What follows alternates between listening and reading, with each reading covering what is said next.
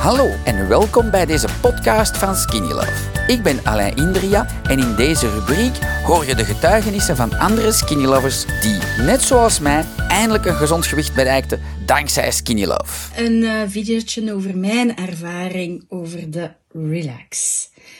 Um, dat is een beetje een ritueel geworden. Um, ik ben niet heel vaak thuis, s'avonds, maar als dat het geval is, dan maak ik mij een lekker kopje warme relax. En dan is het eigenlijk het moment of de dag van de dag dat ik zo, zo heb, zoiets heb van ah, even ontspannen.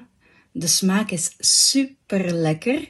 Uh, speciaal, zou ik zeggen. Ik kan het zo niet vergelijken, maar ik vond het direct top. En ik vind de nasmaak ook ontzettend aangenaam.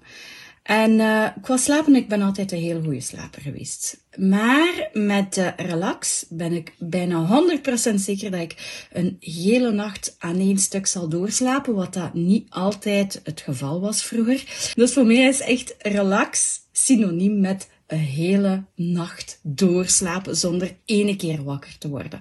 Dat is echt wel uh, een super top productje. Ik ben blij dat ik het heb leren kennen. En uh, bij deze, mijn relax voor deze avond start nu.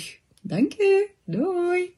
Dankzij dit verhaal heb je ongetwijfeld zelf ook de motivatie gevonden om van start te gaan.